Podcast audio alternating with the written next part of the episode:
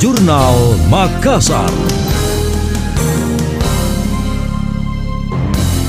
Saya Emil Faris dalam Jurnal Makassar. Neraca perdagangan Sulawesi Selatan mengalami surplus 40,22 juta dolar Amerika pada Oktober 2021. Kepala Bidang Distribusi Badan Pusat Statistik Sulsel Akmal mengatakan penyebab surplus nilai ekspor yang lebih tinggi dibanding impor. Tercatat ekspor mencapai 149,47 juta dolar AS pada Oktober lalu. Jika dibanding bulan sebelumnya, angka ini mengalami penurunan 1,72 persen. Dia menambahkan mayoritas komoditas utama yang diekspor yaitu nikel dengan kontribusi 57,55 persen. Disusul biji-bijian berminyak, besi dan baja, garam belerang, dan kapur serta ikan dan udang. Adapun sebagian besar ekspor ditujukan ke Jepang dengan proporsi 60,71 persen lebih, disusul Tiongkok, Filipina, Taiwan, dan Bangladesh nilai di perdagangan neraca perdagangan barang di Oktober 2021 dengan nilai ekspor sebesar 149,47 juta US dollar dan impor sebesar 109,25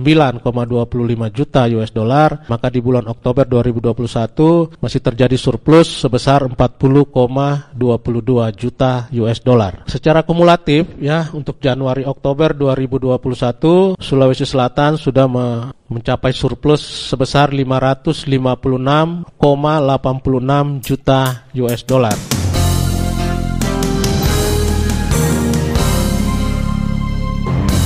BPS juga mencatat nilai impor Sulsel pada Oktober 2021 sebesar 109,25 juta dolar AS. Jika dibanding bulan sebelumnya, angka itu mengalami kenaikan hingga 361,67 persen. Akmal menyebut sejumlah komoditas yang diimpor yaitu gandum-ganduman, gula dan kembang gula, olahan makanan hewan dan mesin pesawat mekanik. Sebagian besar impor didatangkan dari Thailand, Argentina, India, Australia, dan Tiongkok.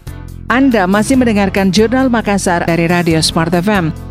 Nilai tukar petani NTP Provinsi Sulawesi Selatan tercatat 99,87 atau terjadi kenaikan sebesar 0,09 persen pada November 2021. Kepala Bidang Distribusi Badan Pusat Statistik BPS Sulsel, Akmal mengatakan hal tersebut terjadi karena kenaikan indeks yang diterima petani lebih besar dibanding dengan indeks dibayar petani. Berdasarkan hasil pemantauan harga di pedesaan, indeks yang diterima petani mengalami kenaikan pada tiga subsektor. Kenaikan kenaikan terbesar terjadi pada subsektor tanaman perkebunan rakyat sebesar 1,30 persen. Sedangkan indeks yang dibayar petani mengalami peningkatan di seluruh subsektor, terbesar subsektor perikanan yang naik sebesar 0,20 persen. Nilai tukar petani Sulawesi Selatan di bulan bulan November 2021 sebesar 99,87 di mana kalau kita membandingkan dengan NTP di bulan sebelumnya di bulan Oktober yang sebesar 99,78 maka terjadi kenaikan sebesar 0,09 persen. Selanjutnya dari lima subsektor yang kami hitung, NTP untuk tanaman pangan itu sebesar 93,51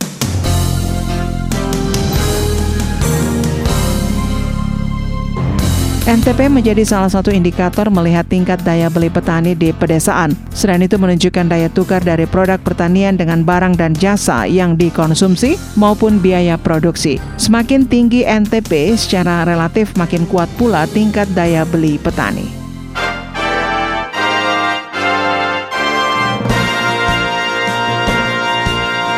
Demikian tadi, Jurnal Makassar.